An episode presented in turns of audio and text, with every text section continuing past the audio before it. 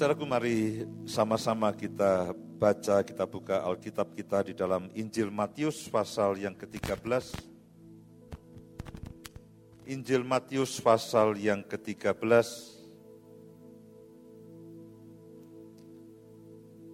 Mulai dari ayat yang ke-53. Injil Matius pasal yang ke-15, ke-13, maaf, mulai dari ayat yang ke-53, saya percaya ini perikop yang tidak asing bagi saudara. Praktis saudara pernah membaca kisah ini dan mungkin juga ini untuk yang kesekian kalinya saudara mendengarkan khotbah yang diambil dari perikop ini.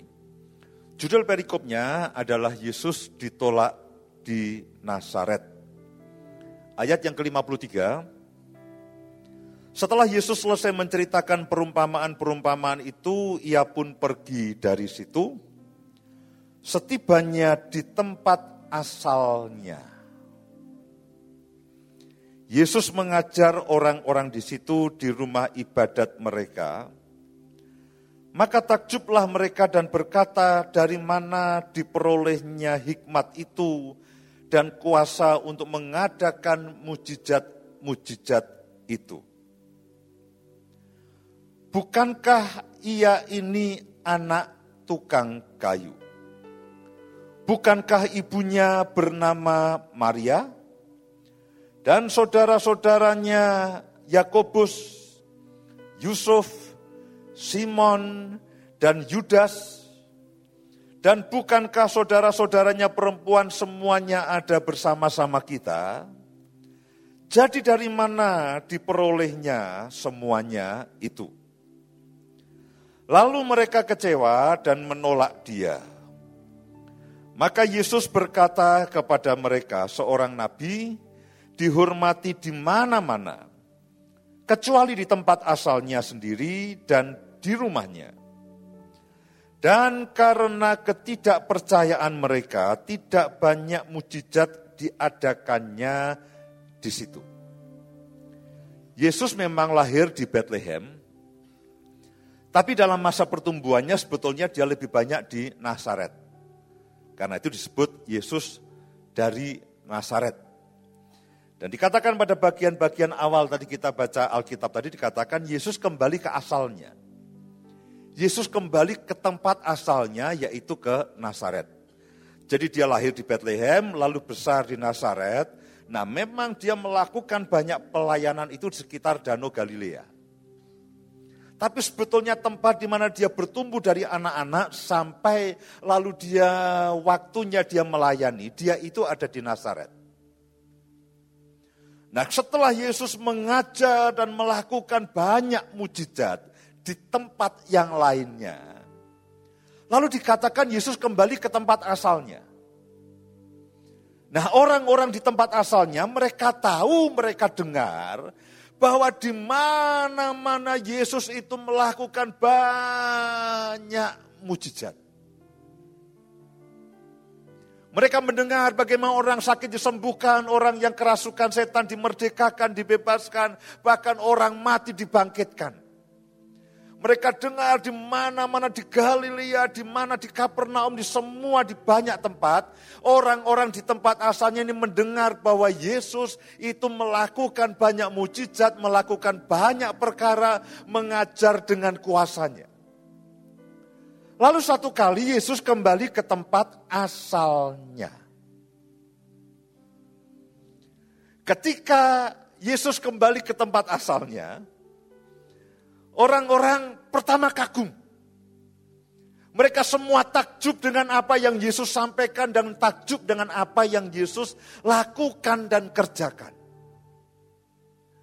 Lalu seseorang berkata, lu, ini nih Yesus ini kita kenal, aku kenal bapaknya.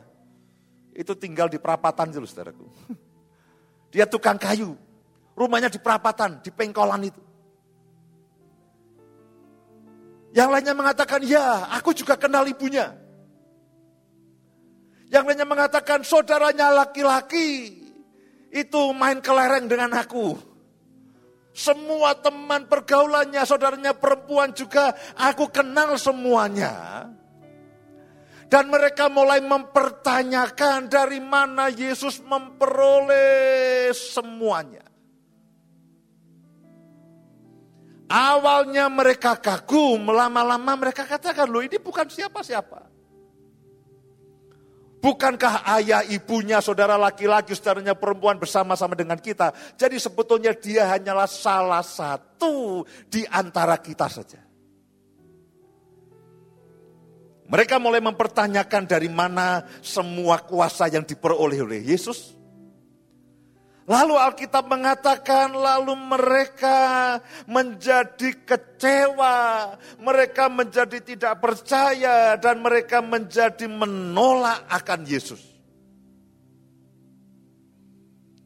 Yang menarik adalah pada bagian terakhir dari ayat yang kita baca tadi dikatakan, dan karena ketidakpercayaan mereka, tidak banyak mujizat diadakannya di situ.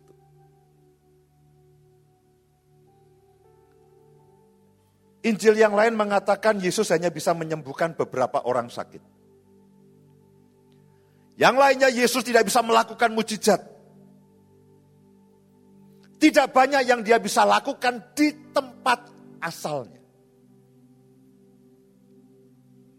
Ibaratnya begini, di tempat-tempat yang lain Yesus itu ampuh gitu. Ampuh. Tapi di tempat asalnya dia tidak berkutik. Aneh sebetulnya. Jadi kalau di tempat-tempat yang lain dia itu orang katakan sakti, ampuh, hebat. Tapi di tempat asalnya sendiri, itu Yesus tidak berkutik. Dikatakan dia tidak bisa melakukan banyak mujizat. Karena ketidakpercayaan mereka, Yesus tidak bisa melakukan banyak hal di tempat asalnya. Satu kali dia ke Samaria, saudara bisa baca di dalam Injil Yohanes pasal yang keempat. Satu kali dia ke Samaria, dia lewat tempat eh, daerah Samaria. Pada waktu itu orang Yahudi, orang Israel, eh, mereka tidak bergaul dengan orang-orang Samaria. Jadi ini warga, bisa dikatakan warga kelas dua mereka tidak bergaul dengan orang Samaria. Satu kali dikatakan bahwa Yesus harus lewat daerah Samaria. Lalu ketemu dengan seorang perempuan yang berdosa. Yaitu perempuan Samaria. Lalu mereka bercakap-cakap, Yesus berbicara, Yesus minta minum dari perempuan Samaria. Lalu perempuan Samaria katakan, masakan ke orang Yahudi minta minum daripadaku karena pada waktu itu mereka tidak bergaul dengan orang Samaria. Dari percakapan itu akhirnya perempuan ini mengerti, ini orang bukan orang biasa ini. Ini orang nabi. Awalnya dikatakan ini nabi. Ini. Lalu dia kembali kepada teman-teman sekampungnya, sekotanya. Mereka katakan, aku ketemu dengan seorang nabi. Dia mengatakan semuanya tentang hidupku. Jangan-jangan dia adalah Yesus atau Mesias yang kita nanti-nantikan. Lalu Alkitab mengatakan banyak dari orang Samaria itu yang akhirnya ketemu dengan Yesus. Lalu orang-orang Samaria ini meminta permintaan khusus kepada Yesus. Tinggallah beberapa hari di tempat kami. Di tempat asalnya, Yesus tidak berkutik. Orang-orang kecewa dan menolak. Ini di daerah yang sebetulnya daerah pinggiran, yang tidak disukai oleh orang Yahudi pada waktu itu mereka justru mengatakan, mereka justru mengatakan begini. Yesus tinggallah beberapa hari di tempat kami. Tinggallah beberapa hari di tempat kami. Setiap awal tahun kalau kami belum mendapatkan jatah kunjungan dari Bu Nani, selalu kami datang. Kapan jadwal ke Jogja? Kapan jadwal ke Jogja? Karena sejujurnya di momen-momen itulah kami selalu menantikan firman yang Tuhan sampaikan lewat Bunani. Mungkin bagi saudara sudah biasa, setiap pagi ke ketemu. Tapi bagi kami, yang mungkin setahun itu tiga kali. Jadi sebetulnya itu momen-momen di mana saya katakan Tuhan, apa yang kau mau sampaikan lewat hambamu. Nah kira-kira situasinya sama dengan orang-orang Samaria pada waktu itu. Mereka katakan Yesus tinggallah beberapa hari di tempat kami. Sementara di tempat asalnya dia itu ditolak. Lalu dikatakan Yesus lalu tinggal beberapa hari di Samaria dan Alkitab mencatat banyak dari orang-orang Samaria itu yang akhirnya percaya kepada Yesus. Di Samaria dia bisa melakukan begitu banyak hal. Dua hari dua malam dia retreat di Samaria. Sedangkan di tempat asalnya Yesus tidak banyak yang dia bisa lakukan. Dia tidak berkutik. Orang-orang kecewa dan menolak akan Yesus. Satu kali dia kelewat ke Yeriko. Yeriko ini adalah kota pertama yang ditaklukkan dan ditundukkan pada waktu orang Israel dari Mesir mau masuk tanah Kanaan, setelah mereka nyebrang sungai Yordan, ketemu pertama kali ini adalah kota Yeriko. Lalu mereka memutari kota Yeriko, akhirnya kota ini runtuh.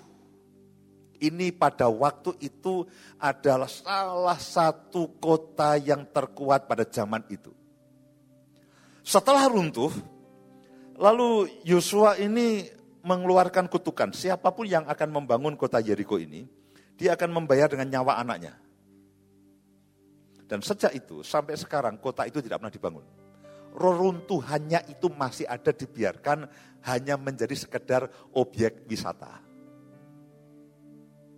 Tapi di Yeriko, Yesus itu melakukan banyak mujizat.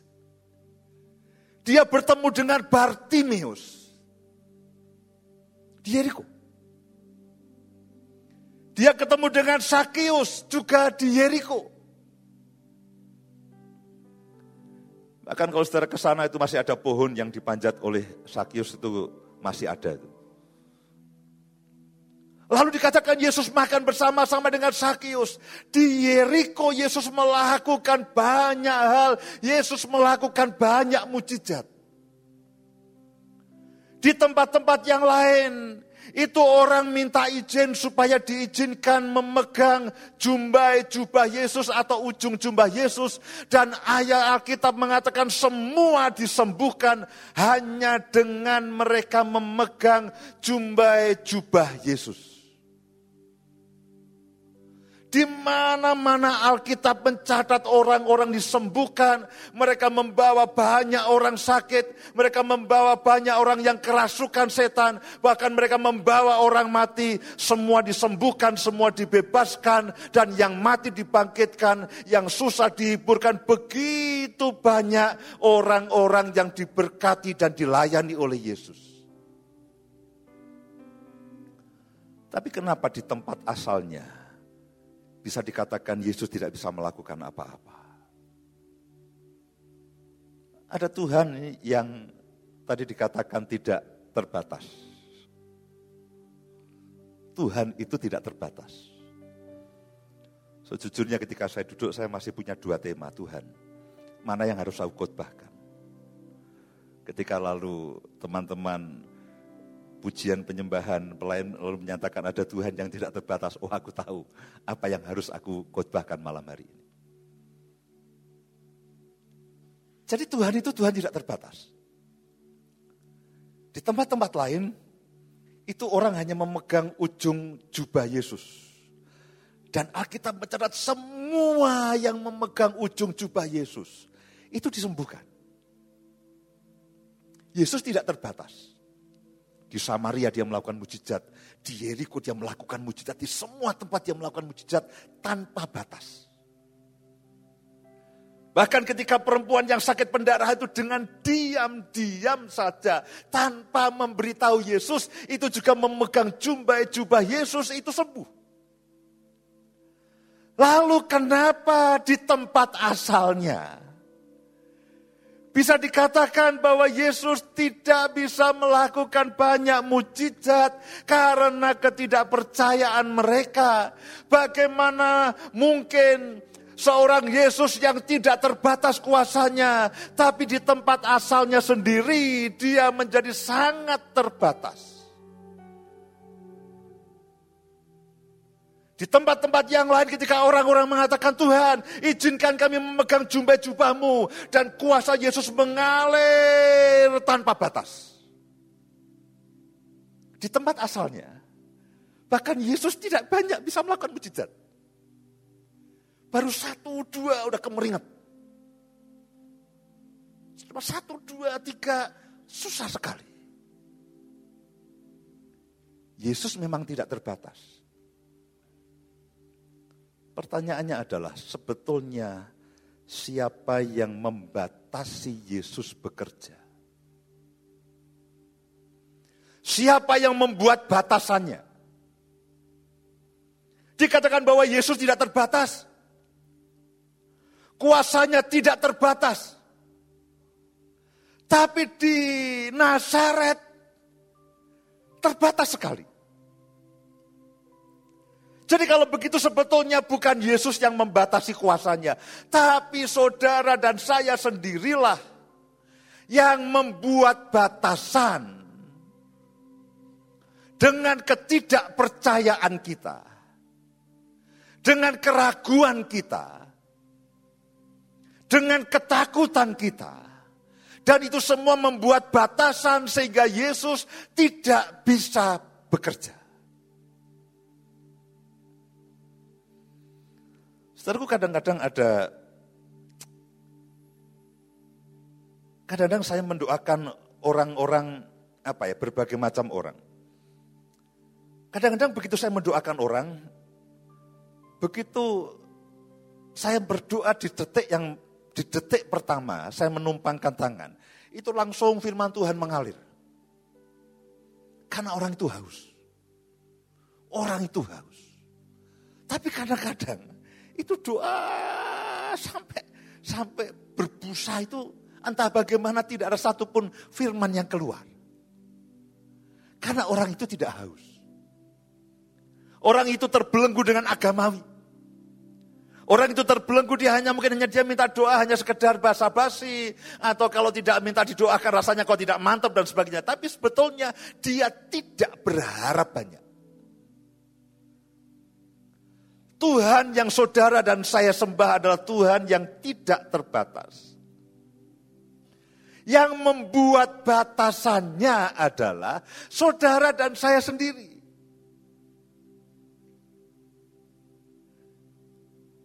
Kalau saudara katakan, biasanya begini, biasanya begini. Kalau saudara berhasil di dalam bidang bisnis dia, bisnis berhasil. Tapi di bidang yang lain saudara tidak berhasil. Ya, di bisnis berhasil, di pelayanan tidak berhasil. Biasanya yang di bisnis ini iman saudara kuat. Karena sering berhasil. Tapi entah kenapa ketika pelayanan sering tidak berhasil. Nah inilah imannya, imannya drop. Nah ketika imannya drop, makin drop, makin drop, makin drop, makin drop. Entah bagaimana kalau ada orang bicara mengenai pelayanan, kesaksian mengenai pelayanan, dia tidak bergerak. Tapi kalau ada orang bicara mengenai bisnis, bicara mengenai keuangan dan kebetulan, itu area di mana dia berhasil, itu nyaut. Jadi dalam banyak hal sebetulnya yang membatasi Tuhan bekerja adalah saudara dan Malam hari ini firman ini untuk kita semuanya saudara dan saya. Semua bagian dari hidup saudara. Saudara harus hadapkan kepada Tuhan. Entah itu keluarga, suami, istri, anak-anak, pelayanan, keuangan, pekerjaan, apa pun saudara harus membuka diri. Saudara harus katakan Tuhan bekerjalah di dalam semua area dalam kehidupanku. Mari lihat ada satu contoh yang lainnya.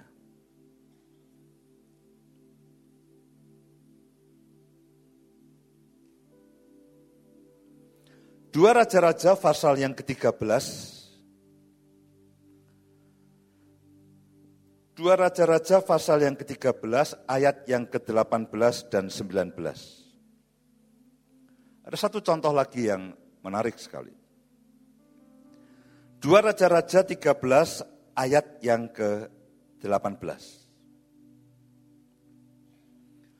Sesudah itu berkatalah Elisa, ambillah anak-anak panah itu.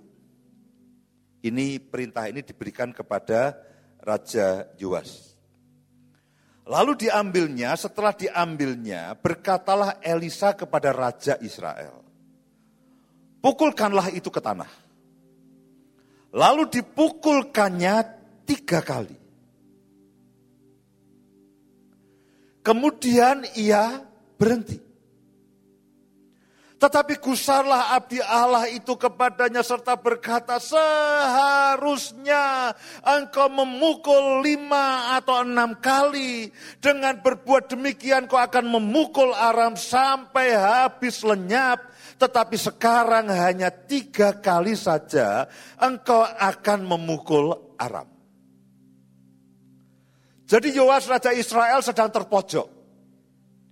Lalu datang kepada Elisa Singkat kata Elisa mengatakan pukulkanlah anak panah ini. Itu anak panah kemenangan.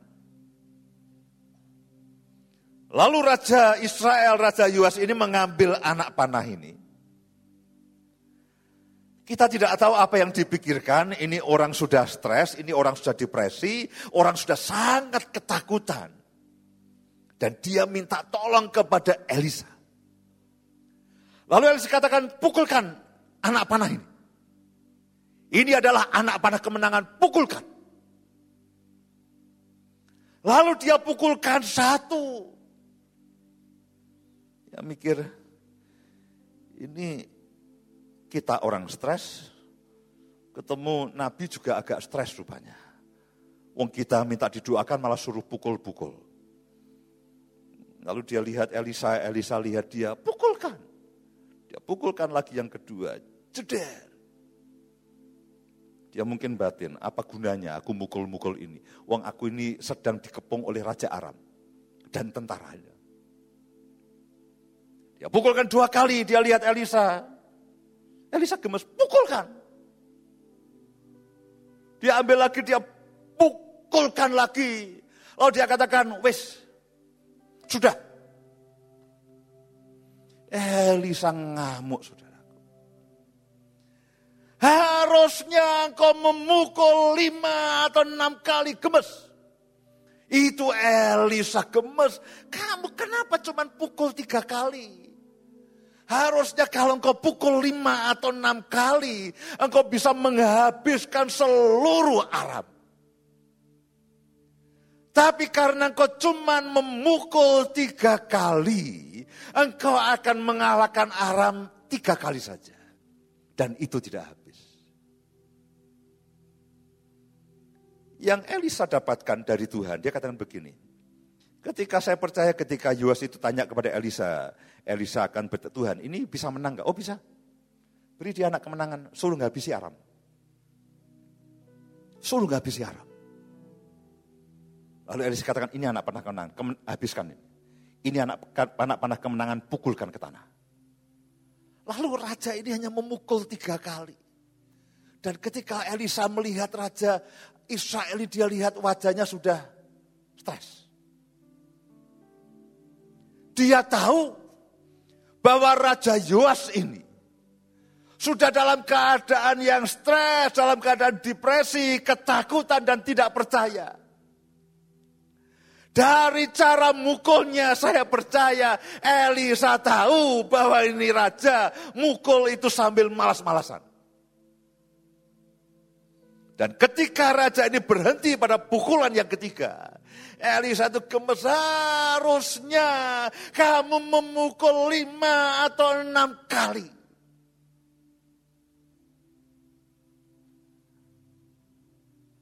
Saya percaya bukan hanya saya yang sering gemes. Menurut saya Bu Nani pun sering gemes. sering gemes. Satu kali istri saya, saya gemes, saya, saya betul gemes ini. Ada seorang jemaat itu yang sedang kesulitan, sedang kesulitan keuangan. Dan kita tahu dia apa namanya lah, dia dia pinjam ke beberapa teman, saya tahu itu. Lalu ketika satu waktu kita diberkati Tuhan, saya katakan kepada istri saya, ambil sebagian, berkati orang ini. Berkati orang ini. Karena kita tahu dia sedang dalam keadaan kesulitan. Lalu istri saya tanya, nomor rekeningmu berapa?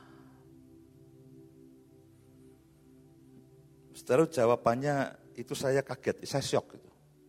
Bukan saya senang, tapi saya syok. Dia singkat kata dia menolak. Dia nggak mau. Oh enggak, enggak, jangan, jangan, jangan, jangan, jangan. Saya tuh gemes. Diberkati kok tidak mau.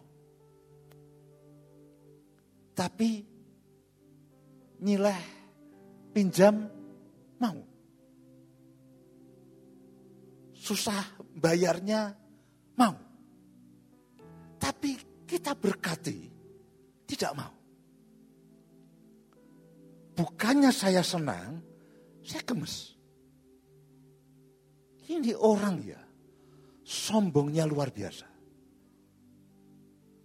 Loh, saudara itu harus belajar begini belajarlah menjadi pemberi yang baik. Tapi juga kalau Tuhan berkati saudara, lewat siapa pun. Jangan ditolak. Kadang-kadang saya hanya mendapatkan sekilo salak dari jemaat atau saudaraku. Harganya mungkin 12-13 ribu. Kadang-kadang itu saya katakan sungkan, pak, jangan, pak. Saya katakan jangan ditolak. Siapa tahu dengan dia memberi itu, itu merupakan perjanjiannya dengan Tuhan dan dia diberkati. Jadi kadang-kadang saya hanya menerima sekilo salak, atau sekilo atau dua kilo salak, se, sa, apa itu, tas kresek begitu. Ustaz. Saya katakan, puji Tuhan, terima kasih, terima. Nah ketika orang ini kami tanya nomor rekeningmu berapa? Loh, saya kan kita tidak iseng toh memang nomor rekening terus dibuat mainan kan tidak. Artinya kan kami mau mau berkati, mau salurkan berkat. Ya berbagai macam alasan sebagainya. Saya katakan ini orang sombong banget ya. Akhirnya dia, dia kasih nomor rekening tidak? Kasih ya. Jadi kamu transfer. Jadi akhirnya. Tapi awalnya saya katakan ini orang ya. Dia tidak tahu bahwa ini berkat daripada Tuhan. Ini benih ilahi. Dan setiap kali kami memberkati orang, kami tidak memberkati dengan hanya asal sebar itu tidak. Setiap kali kami terima berkat, kami akan berdoa Tuhan. Siapa yang harus kami berkati? Dan baru kali itu, seingat saya sepanjang hidup saya, saya memberkati orang bukan karena saya orang yang dermawan atau apa pun, tapi hasil dari doa saya dan orang itu tidak mau terima. Saya katakan saya gemes itu. Mirip dengan yang dialami oleh Elisa.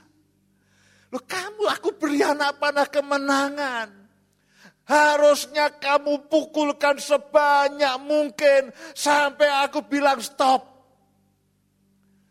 Tetapi karena mungkin kelelahannya, keletihannya, ketidakpercayaannya karena dia sudah kalah perang terus menerus. Akhirnya Raja Israel ini hanya memukulkan tiga kali. Dan Elisa gusar harusnya kamu pukul lima atau enam kali. Sampai kamu menang total terhadap Aram. Pertanyaannya adalah lalu siapa yang membuat batasan Tuhan bekerja? Siapa yang membuat batasan Tuhan bekerja? Malam hari ini saya mendorong setiap saudara.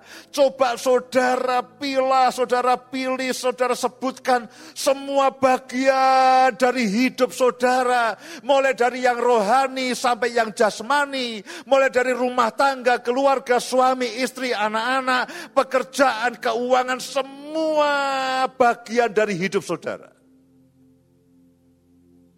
Jangan katakan begini, enggak apa-apa Pak, yang penting pelayananku berhasil. Soal rumah tangga, soal keluarga, soal keuangan tidak penting. Oh, sudah penting Pak, yang penting keuanganku berhasil, soal pelayanan masa bodoh. Saudara sedang membatasi Tuhan bekerja. Ketika Tuhan bekerja, dia ingin supaya semua bagian dari hidup saudara itu diberkati, di blessing dan dibuat Tuhan berhasil. Yang Tuhan inginkan adalah keberhasilan seutuhnya dan keberhasilan sepenuh-penuhnya. Oh iya, bahkan memang uh, bahwa ada waktu-waktu ujian itu iya. Ada masa-masa sulit itu iya. Yang tujuannya adalah untuk mengoreksi dan melihat isi hati kita. Saudaraku saya ini seorang seorang yang dulu gemar berhutang. Sidik-sidik hutang. Saya masih ingat awalnya ada seorang teman pengusaha yang sekaligus hamba Tuhan yang cukup berhasil, dia katakan begini pada saya. Kalau kamu ingin kaya, kamu harus berhutang. Itu pada waktu saya memulai pekerjaan, saya masih mungkin masih berumur 27, 28 tahun. Ini seorang pengusaha, seorang hamba yang pengusaha tapi juga hamba Tuhan dan dia berhasil. Lalu memberi nasihat kepada saya begini, kamu kalau mau kaya, kamu jangan takut berhutang.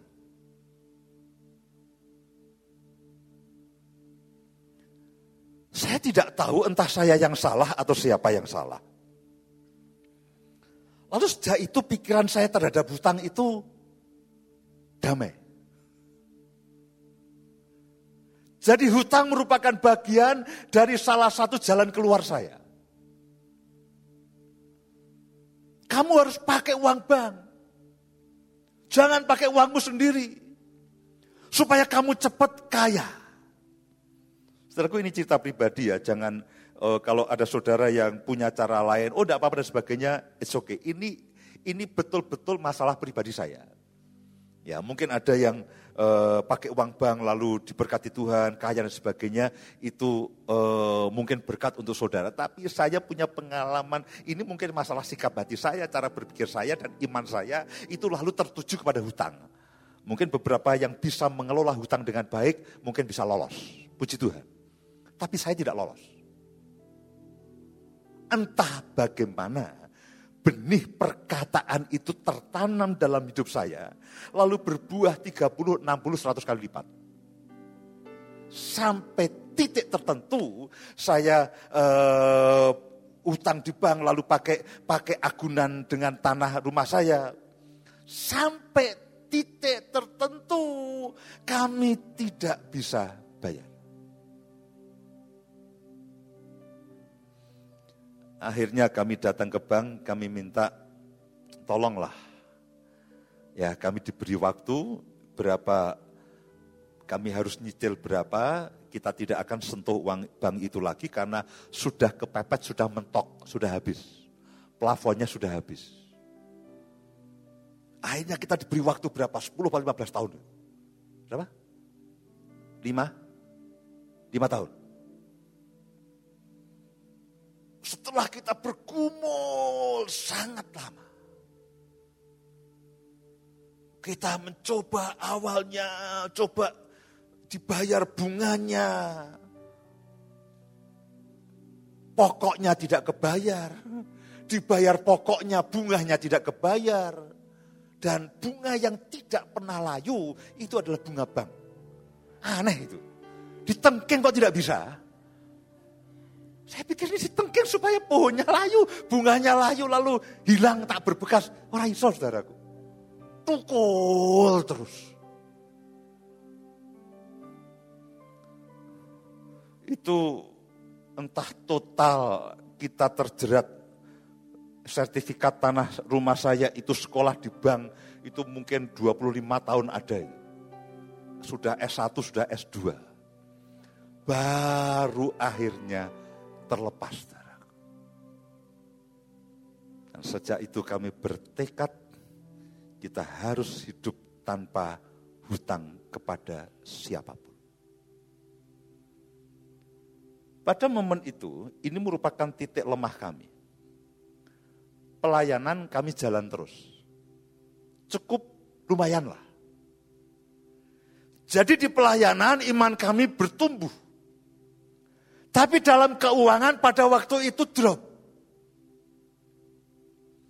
Kami harus berdoa, kami harus berpuasa sampai betul-betul mengalami terobosan. Puji Tuhan beberapa tahun terakhir kami akhirnya mengalami terobosan dalam hal keuangan itu. Setelah sekian puluh tahun kami betul-betul hanya melata di bawah. Siapa yang membuat batasan? Elisa katakan inilah anak panah kemenangan, pukulkan. Tapi Raja Yoas sudah kehabisan tenaga. Dia sudah kehilangan kepercayaannya. Berkali-kali dia diancam dan dikalahkan oleh Raja Yoas. Dan dia hanya memukul sebisanya. Dan itu membuat Elisa gusar. Harusnya kamu memukul lima atau enam kali. Karena ketidakpercayaan dia hanya bisa menang sebagian. Saya mau katakan pada setiap saudara. Saudara harus mulai kepada bagian yang paling buruk dari kehidupan, bagian yang paling gelap. Oh, ini pelayanan berhasil, keluarga lumayan, keuangan berantakan. Nah kita mulai dari situ. Deh. Kita harus mulai dari yang paling berantakan ini. Jangan disimpan. Jangan ditutupi. Kita harus masuk, kita harus bongkar, dan kita mau harus selesaikan di hadapan Tuhan. Mulailah dari bagian hidupmu yang paling gelap dan paling gagal. Yang paling mengerikan setiap kali kau mengingatnya, engkau ngeri. Dari situ kita harus selesaikan. Mari dia sama-sama ada satu contoh lagi.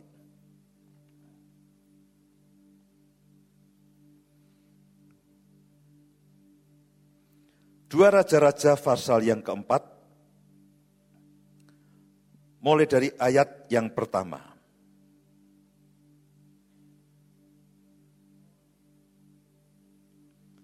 Dua Raja-Raja pasal yang keempat, mulai dari ayat yang pertama.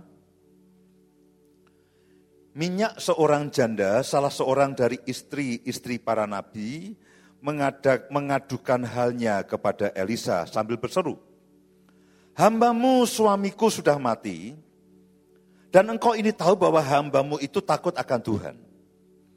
Tetapi sekarang penagih hutang sudah datang untuk mengambil kedua orang anakku menjadi budaknya. Jadi yang namanya masalah itu tidak mengenal sopan santun, saudaraku. Ini istri nabi yang yang apa namanya dikatakan istri nabi ini yang nabinya takut akan Tuhan, tetap diserang itu, saudaraku. Jadi yang namanya masalah itu tidak punya totok romo itu tidak punya. Jadi saudara harus waspada. Jangan berpikir, wah aku sudah begini pak, ini istri Nabi. Nabinya suaminya takut akan Tuhan. Istrinya dan keluarganya terjerat hutang sampai dikatakan, nah pada zaman dahulu, kalau orang itu sudah berhutang dan tidak punya kemampuan untuk membayar sedikit pun, itu anak laki-lakinya akan diambil menjadi budak. Nah, janda nabi ini sampai di titik itu. Sampai di titik yang paling habis.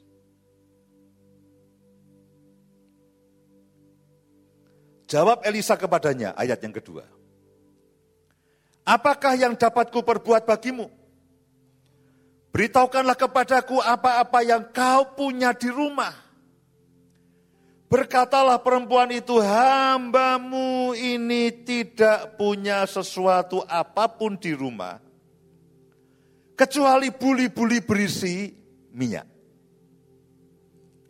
Lalu berkatalah Elisa, pergilah mintalah bejana-bejana dari luar, daripada segala tetanggamu, bejana-bejana kosong. Tetapi jangan terlalu sedikit. Terjemahan lain mengatakan sebanyak mungkin. Kalau sebanyak mungkin, itu seberapa banyak? Sangat banyak. Bisa dikatakan hampir tidak terbatas.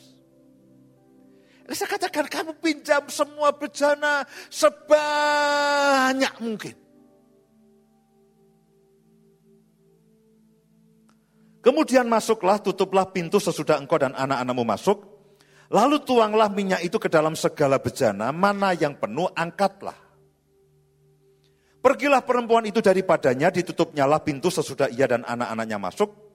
Dan anak-anaknya mendekatkan bejana-bejana padanya, sedang ia terus menuang.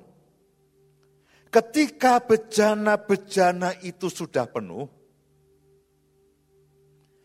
berkatalah perempuan itu kepada anaknya, dekatkanlah kepadaku sebuah bejana lagi. Tetapi jawabnya kepada ibunya, tidak ada lagi bejana. Lalu berhentilah minyak itu mengalir. Pertanyaannya, sebetulnya siapa yang membuat batasan minyak itu mengalir? Apakah Elisa? Apakah Tuhan? Yang membuat bejana e, minyak itu berhenti mengalir adalah perempuan ini sendiri. Ketika dia cuman pinjam 10 bejana, Begitu sepuluh bejana selesai, lalu perempuan dikatakan dekatkan lagi bejana yang lainnya. Pada waktu yang ke-10 dia menuanginya masih ada aliran minyak itu. Tapi ketika dia katakan mana bejana yang lainnya. Lalu anaknya katakan sudah habis.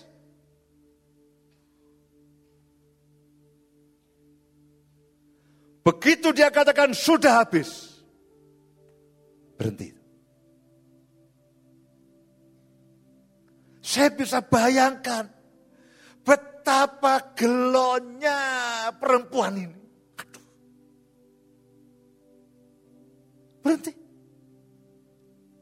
Pada waktu dia tuangkan pada bejana yang pertama dia lihat itu minyak mengalir. Lalu bejana yang kedua itu minyak tidak habis mengalir lagi. Minyak yang ke bencana yang ketiga mengalir, mengalir, mengalir. Dia senang, dia suka cita luar biasa. Tetapi pada bencana yang terakhir, ketika dia minta yang berikutnya dan tidak ada lagi bencana, lalu dia coba tuangkan habis. Dia pikir masih sisa di dalam bencana yang pertama ketika dia tuangkan habis. Bersamaan dengan habisnya bencana itu. Pertanyaannya adalah siapa yang membuat batasan dalam hidup saudara dan saya?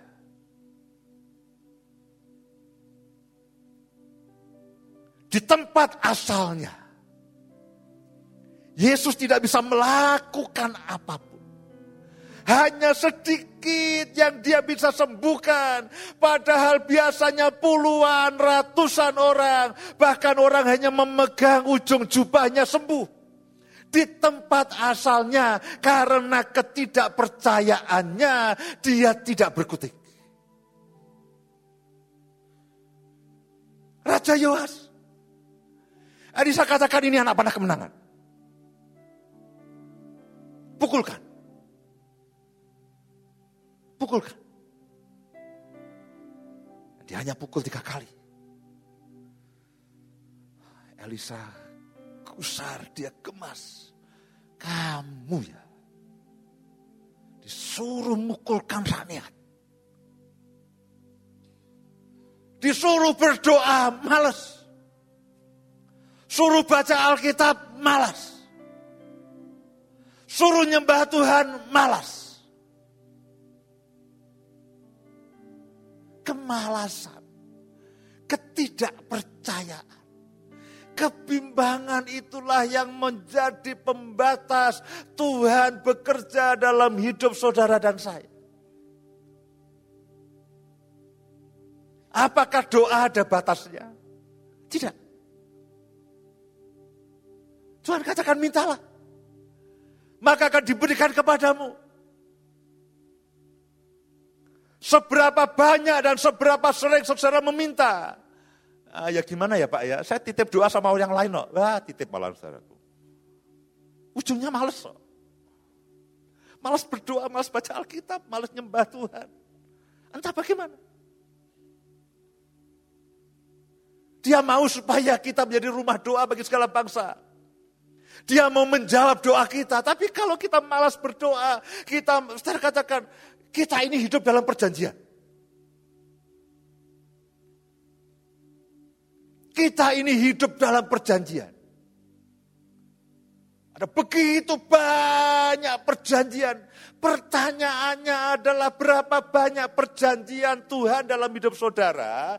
Yang kalau misalkan saya tanya, Pak atau Ibu, coba Berapa banyak sih perjanjian Tuhan yang kau tahu? Aduh, yang mana ya Pak? Loh. Piye toh? Tuhan tuh begini loh. Ini loh nak janjiku nak. Kalau kamu memegangnya, itu akan terjadi. Persoalannya saudara tidak pegang. Kalau saudara ditanya, coba sih, berapa banyak perjanjian Tuhan yang diberikan kepadamu dan kamu pegang?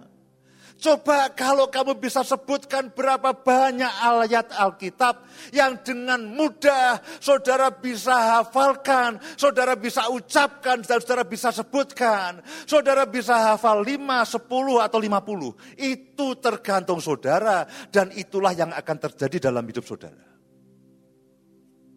Kalau saudara katakan, Pak, aku tidak hafal satu pun. Loh, saudara tidak tahu perjanjian yang Tuhan berikan pada saudara. Lupa saya nunut aja itu Pak. Kan setiap hari diucapkan, saya di rumah aja leha-leha saya nunut aja. Diberikan pada saudara. Ibaratnya begini, ini loh perjanjian-perjanjianku. Berapa banyak yang kau mau pegang. Kepada Yosua, Tuhan katakan, Yosua, kamu akan masuk ke tanah kanaan. Kamu terus sudah terlepas dari dari perbudakan Mesir, kamu sekarang masuk tanah perkanaan. Itu tanah perjanjian. Itu tanah perjanjian. Itu tanah yang dijanjikan Tuhan. Lalu Tuhan katakan di dalam Yosua 1 ayat 8 dia katakan begini. Ucapkan, renungkan firman perjanjian itu siang dan malam. Supaya apa? Perjalananmu berhasil. Sama dengan saudara. Saudara dan saya kita akan masuk ke dalam era atau masa kemakmuran. Saudara pegang akan janji Tuhan. Saudara pegang tidak? Seberapa sering saudara ucapkan perjanjian itu? Seberapa sering saudara renungkan perjanjian itu? Oh ya, iya ya Pak. Ya aku tidak pernah melakukannya loh. Saudara yang membuat batasannya. Jangan katakan lalu, loh Pak yang lainnya kok diberkati, aku tidak diberkati. Yang lainnya pegang perjanjian, saudara tidak pegang perjanjian. Siapa yang membuat batasannya? Saya dan saudaralah yang membuat batasannya. Kalau saudara tidak mengerti perjanjian Tuhan dengan keluarga dan anak-anak saudara, perjanjian itu akan lewat.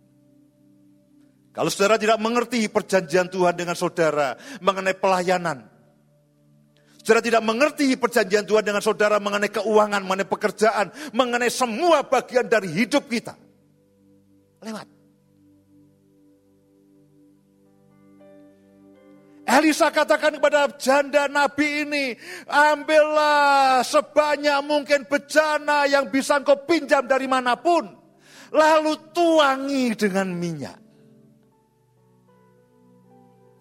Setiap saudara dan saya ada bejana-bejana kehidupan. Ini bejana keluarga, ini bejana keuangan, ini bejana pekerjaan, ini bejana pelayanan. Setiap kali saudara harus menuanginya dengan minyak, menuanginya dengan firman, menuanginya dengan doa, menuanginya dengan penyembahan.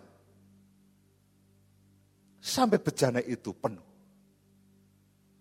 Bagian yang saudara tidak pernah tuangi dengan doa, dengan firman.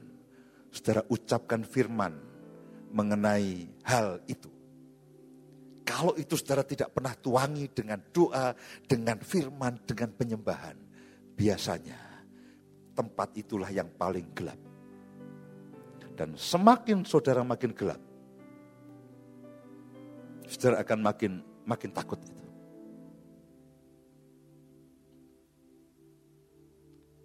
Saudara akan makin takut. Saudara akan makin ngomel. Oh, ini ranggendah, ini udah karu-karuan. Saudara harus tuangi dengan minyak. Tuangi dengan doa. Tuangi dengan firman.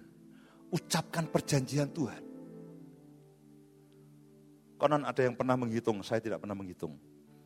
Ada 365 janji Tuhan di dalam Alkitab. Artinya setiap hari saudara tidak akan kekurangan janji Tuhan.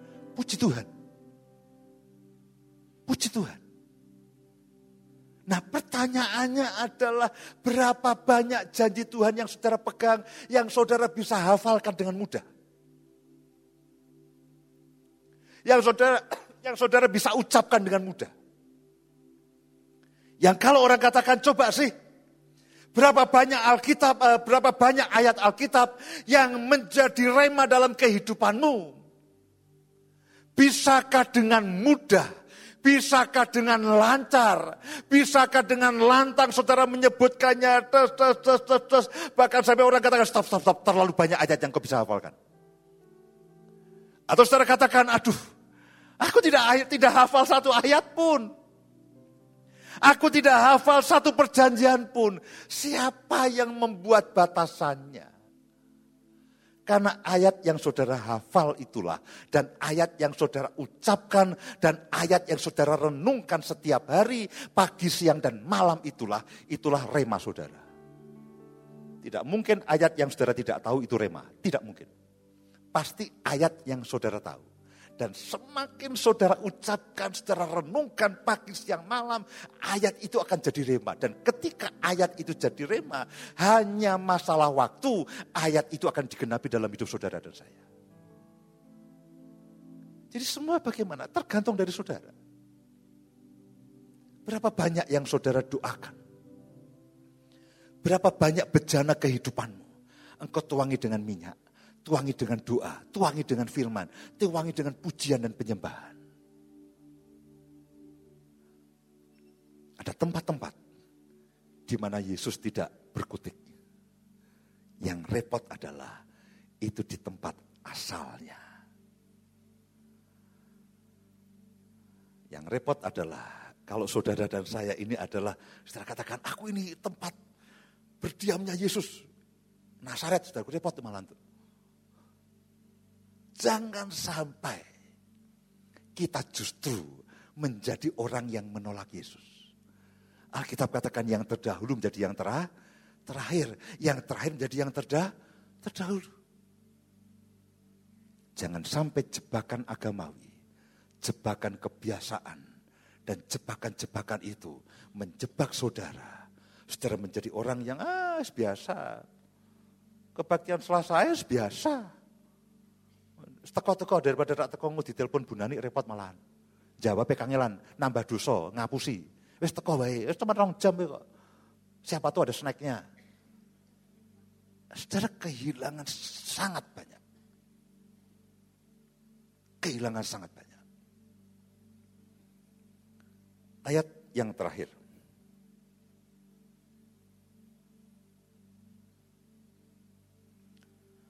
Mazmur 81 ayat yang ke-10.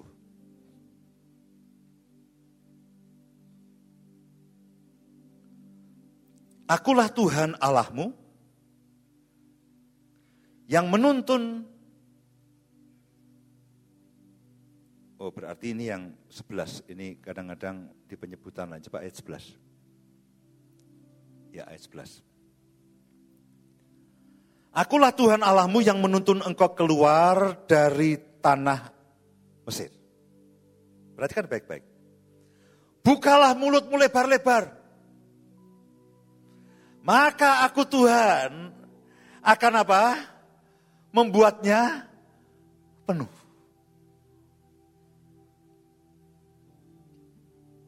Saya bayangkan Tuhan itu kalau apa ya? Dia itu tidak seperti begini nih. Prasmanan terbatas. Saudara tahu prasmanan terbatas? Ya, satu kali saya melayani retret di sebuah gereja, dia di satu tempat begitu, di rumah retret. Lalu silakan Pak, prasmanan, Bapak bisa makan sebanyak-banyaknya.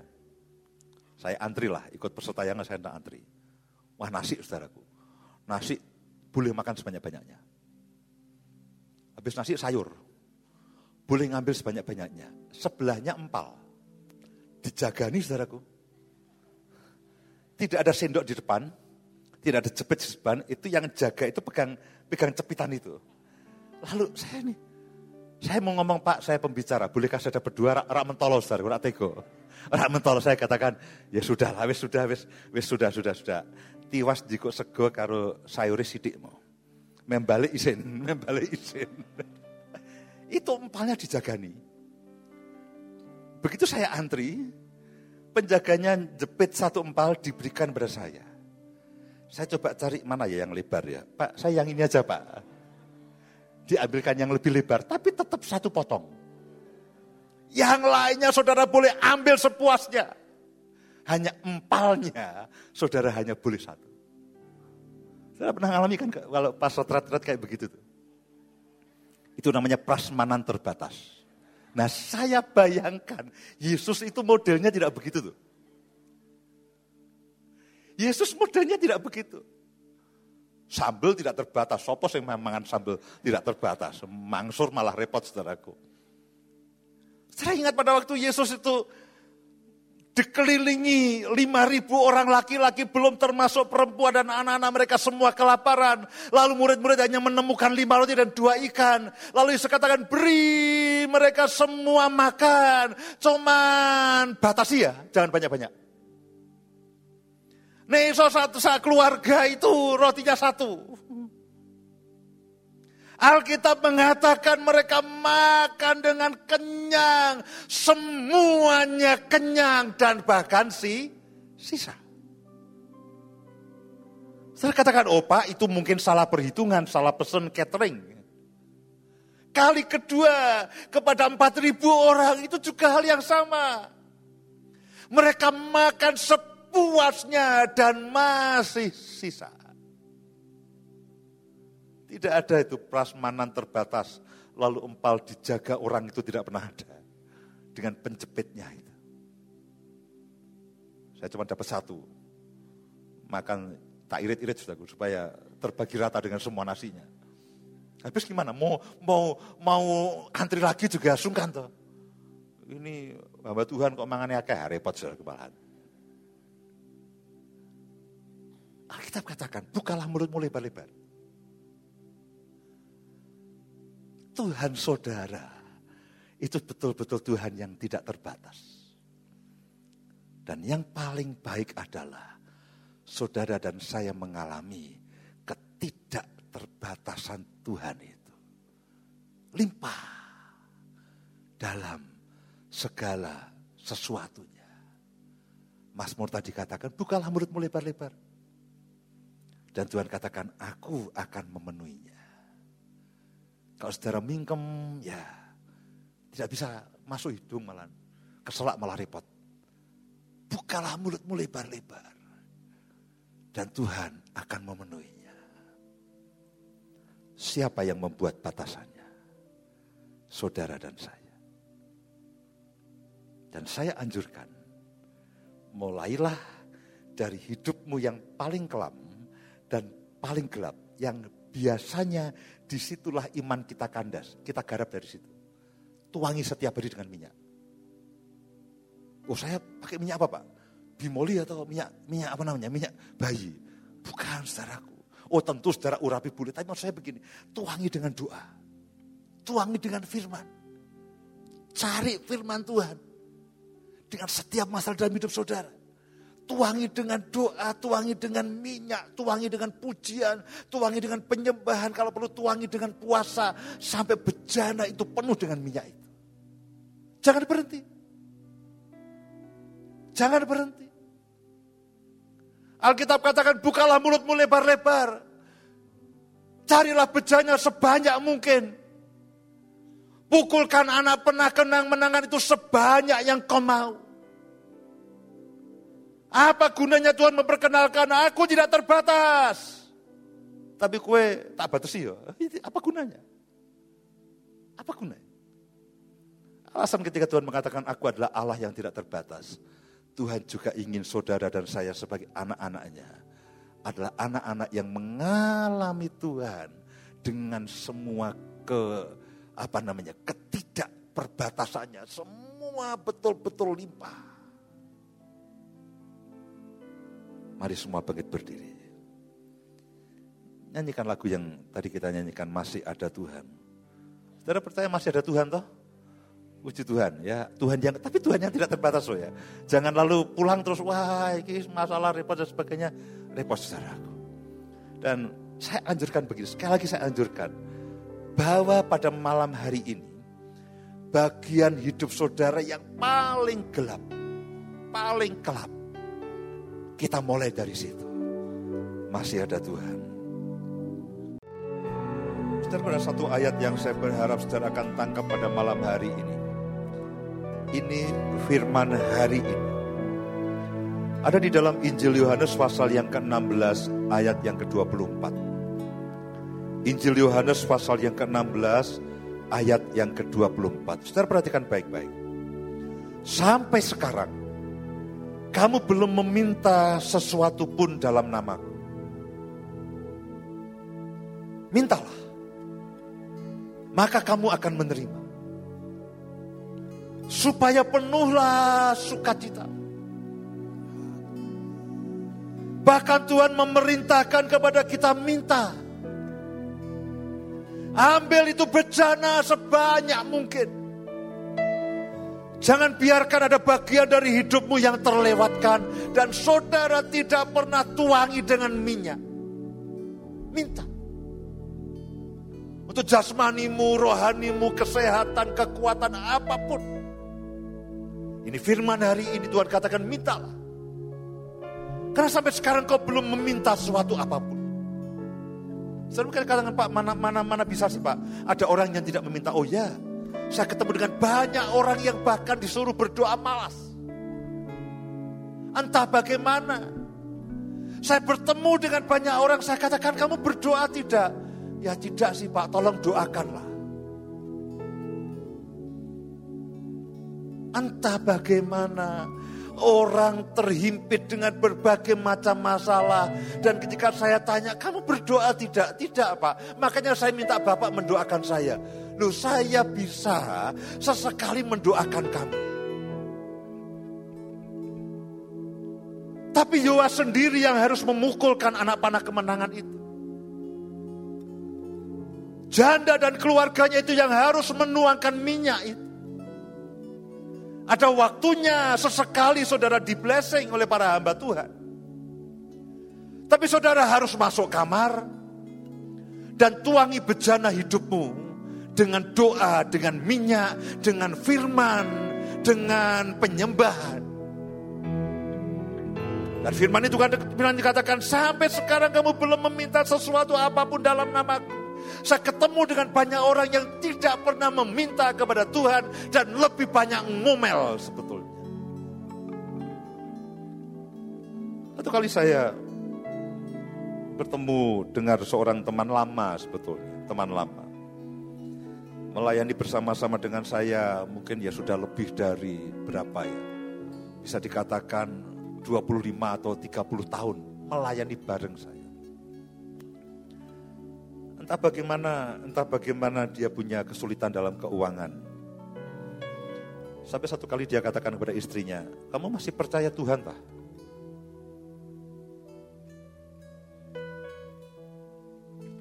Ketika saya dengar ucapan itu, saya tidak marah, saudaraku. Saya sedih dan dalam hati saya nangis, Tuhan tolong. Saya tidak bisa ngomong apa-apa. 30 tahun pelayanan bareng saya. Dia katakan kepada istrinya, kamu masih percaya Tuhan? Saya lihat dia punya masalah di keuangan. Sampai satu titik, dia katakan, kamu masih percaya Tuhan? Saya nggak bisa ngomong apa-apa, saudara. Saya tidak bisa mencela, saya tidak bisa maidu, saya tidak bisa mengerut. Saya katakan Tuhan, tolong Tuhan. Tolong, tolong, tolong. Saya berdoa, jangan biarkan itu terjadi.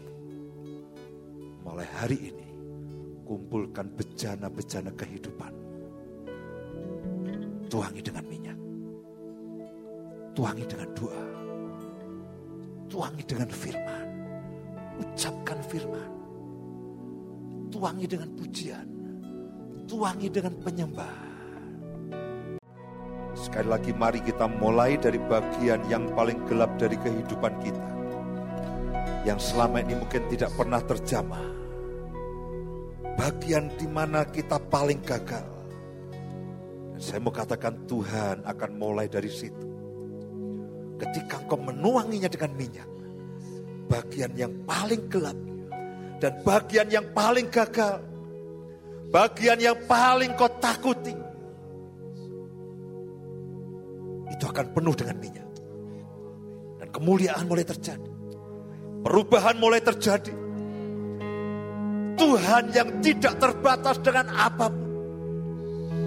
Akan mengerjakan dalam hidup setiap saudara. Ketika bagian dari bencana kehidupanmu itu. Engkau tuangi dengan minyak. Di situlah Tuhan akan bekerja. Di situlah Tuhan akan bekerja. Ya rana musika rana namorana mana. Mari sekali lagi angkat kedua tangan kita di hadapan Tuhan pada malam hari ini.